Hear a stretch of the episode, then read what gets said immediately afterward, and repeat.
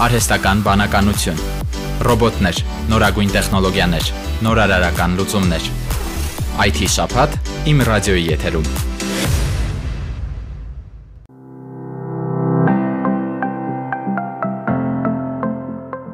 Հայաստանում ներդրվել է էլեկտրոնային ՀԴՄ-ների համակարգ։ Անկախ նրանից կազմակերպությունը խոշոր է թե փոքր եւ ինչ հարկման ռեժիմով է աշխատում, եթե առևտուրն իրականացվում է ինտերնետ հարթակով, կարող է կիրառել էլեկտրոնային ՀԴՄ։ Էլեկտրոնային հսկիչ դրամարկղային մեքենան ծրագրային ապահովում է, որը հնարավորություն է ընձեռում ինտերնետային կայքի կամ էլեկտրոնային հավելվածի միջոցով ապրանքների մատակարարման ծառայությունների մատուցման կամ աշխատանքների կատարման գործարքների համար գեներացնել էլեկտրոնային հսկիչ դրամարկղային մեքենայի Գյուղի էլեկտրոնային կտրոնը։ Լսենք Հայաստանի Պետական Եկամուտների կոմիտեի տեղեկատվական համակարգի փոփոխությունների կառավարման եւ ազդեցության գնահատման բաժնի պետ Լուսինե Այվազյանին։ Էլեկտրոնային ՀԴՄ-ի ներդրման նպատակով 2020 թվականին իրականացվեց օրենսդրական փոփոխություններ եւ նոր կառավարության որոշում սահմանվեց, որով առանձին երկու հավելվածով ներկայացված է էլեկտրոնային ՀԴՄ-ի վերաբերող դրույթները, ինչը իրենից ներկայացնում էլեկտրոնային ՀԴՄ-ն, այն կիրառում են ինտերնետային կայքերի եւ եւ հարթակների պատվերների միջոցով ծառայություններ մատուցող առևտուր իրականացնող կազմակերպությունները եւ անհատներկատերերը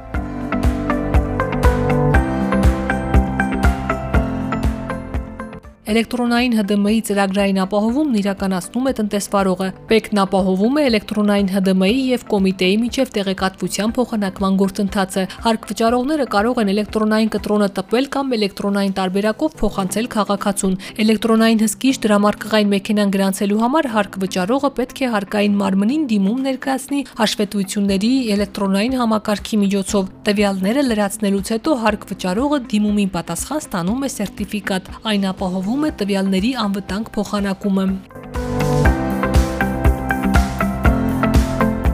Իսկ հիմա լսենք, թե ինչպես կարելի է անվտանգ էլեկտրոնային առևտուր անել։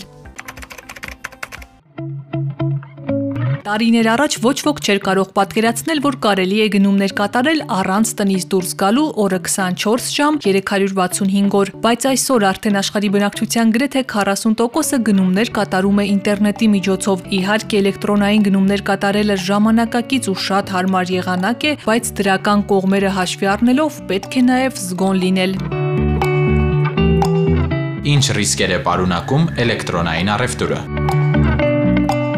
Եվ այսպես, քանի որ էլեկտրոնային առևտրի ժամանակ ապրանքը բնականից տեսնել չենք կարող, պետք է մանրամասն ուսումնասիրել դրա նկարագրությունը, իսկ ահա ստանալուց հետո ստորագրել ստացականն այն ժամանակ, երբ կտեսնեք, որ ամեն ինչ ճիշտ այնպես է, ինչպես նկարագրության մեջ։ Վիրտուալ խանութներում նշված գները հաճախ վերջնական չեն։ Դրանք չեն ներառում օրինակ տեղափոխման ծախսերը կամ այլ միջնորդավճարներ։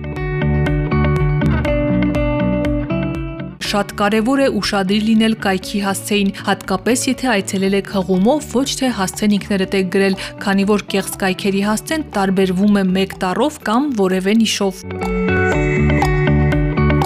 Ինչպես ինտերնետում կատարել անվտանգ գնումներ։ Ինտերնետային գնումներ կատարելու համար առանձին վճարային քարտ ունեցեք, որի հաշվին պահեք այնքան գումար, որքան կազմում է գնումը։ Համակարգչում թարմացված պահեք հակավիրուսային ծրագրերը, խուսափեք կասկածելի կայքերից, որpիսի ձեր անձնական տվյալները ոչ ոքի ձեռքը չընկնի, ինտերնետով գործարքներ կատարելիս օգտվեք միայն սեփական համակարգչից։ Իսկ եթե այլ համակարգչից եք գործարք կատարել, համոզվեք, որ տվյալները չեն պահպանվել։ Ինտերնետով գնում կատարելուց առաջ ստուգեք արդյոք վիրտուալ խանութը իրական է, հասցեի արկայության դեպքում ստուգեք օրինակ Google Map ծրագրով։